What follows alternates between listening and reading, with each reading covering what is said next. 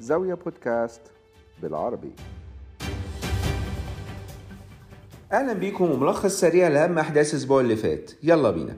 في الإمارات في الوقت اللي شركة إعمار مولز بتتخرج من سوق دبي المالي بنلاقي شركات تانية بتستعد للإدراج. شركة إعمار مولز واللي تم طرحها في سوق دبي المالي سنة 2014 تم إلغاء إدراج أسهمها بعد انتهاء جلسة تداول يوم الحد اللي فات يعني بعد سبع سنين من طرحها. مقابل إصدار شركة إعمار العقارية اللي هي الشركة الأم فاصل خمسة واحد سهم يعني تقريبا نص سهم من أسهمها لكل سهم إعمار مولز. وبكده تم دمج الشركتين في بعض. قبل الدمج إعمار العقارية كانت بتملك حوالي 85% من إعمار مولز. بعد إلغاء الإدراج مساهمو إعمار مولز اللي كانوا بيملكوا ال 15% الفاضلة أو ما يعادل 2 مليار سهم بقى بيملكوا مليار و20 مليون سهم في إعمار العقارية. ومن ناحية تانية شركة شعاع Capital اللي بتدير أصول بقيمة 14 مليار دولار بتدرس حاليا طرح شركتين تابعين ليها للاكتتاب العام في سوق دبي المالي. الشركتين هما Stanford Marine Group و NCM Investment المستهدف إن الإدراج يتم على أول السنة الجاية بقيمة إجمالية حوالي 2 مليار درهم. ده على حسب مصادر إعلامية. في السعودية الطرح الحالي لشركة تداول السعودية القبضة. يوم الحد اللي فات تم تحديد النطاق السعري للاكتتاب العام في 30% من أسهمها أو 36 مليون سهم. السعر هو ما بين 95 ل 105 ريال سعودي.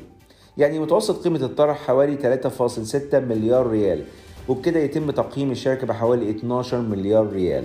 الاكتتاب للأفراد هيبتدي يوم 30 نوفمبر وينتهي 2 ديسمبر.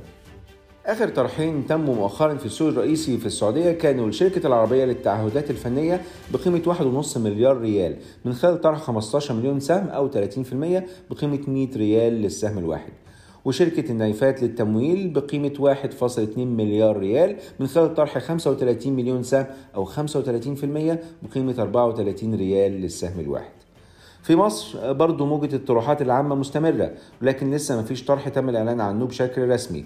مؤخرا مجلس إدارة النادي الأهلي المصري قال إنه بيدرس طرح 49% من أسهم شركة النادي الأهلي للاكتتاب العام.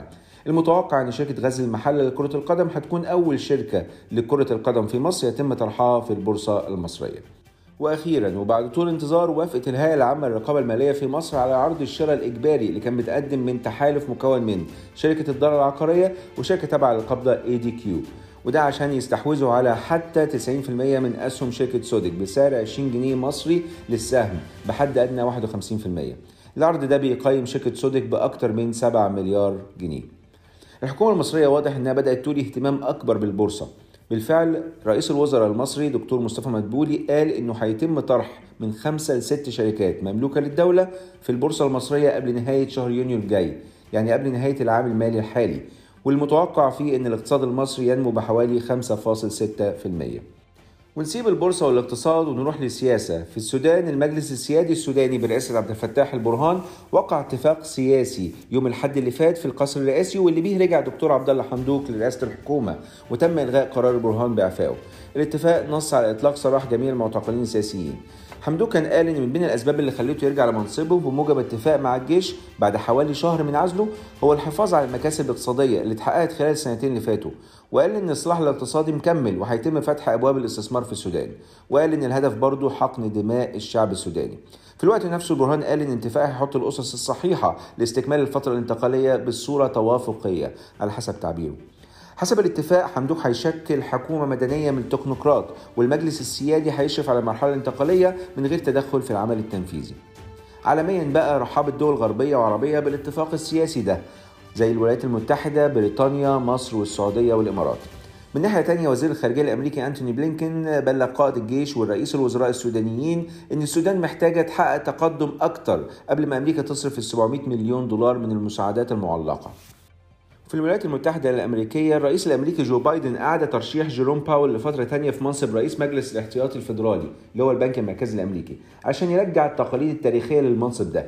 وهي أن الرئيس الأمريكي بغض النظر عن انتمائه الحزبي بيعيد ترشيح نفس الرئيس الفيدرالي حتى لو كان ترشيحه من حزبه منافس. وده عكس اللي كان الرئيس الأمريكي السابق دونالد ترامب عمله لما ما جددش لجانيت يالن وعين جيروم باول بدلها.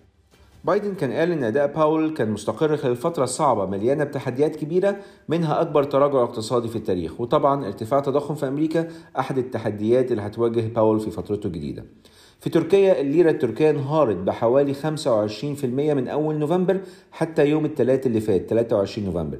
قبل ما تعوض جزء من خسائرها مؤخرا وإن كانت لا تزال منخفضة بنسبة 20% من أول الشهر وبنسبة 38% من أول السنة. الخسائر دي كانت رد فعل لدفاع الرئيس التركي رجب طيب أردوغان عن التخفيضات الحادة الأخيرة في أسعار الفايدة.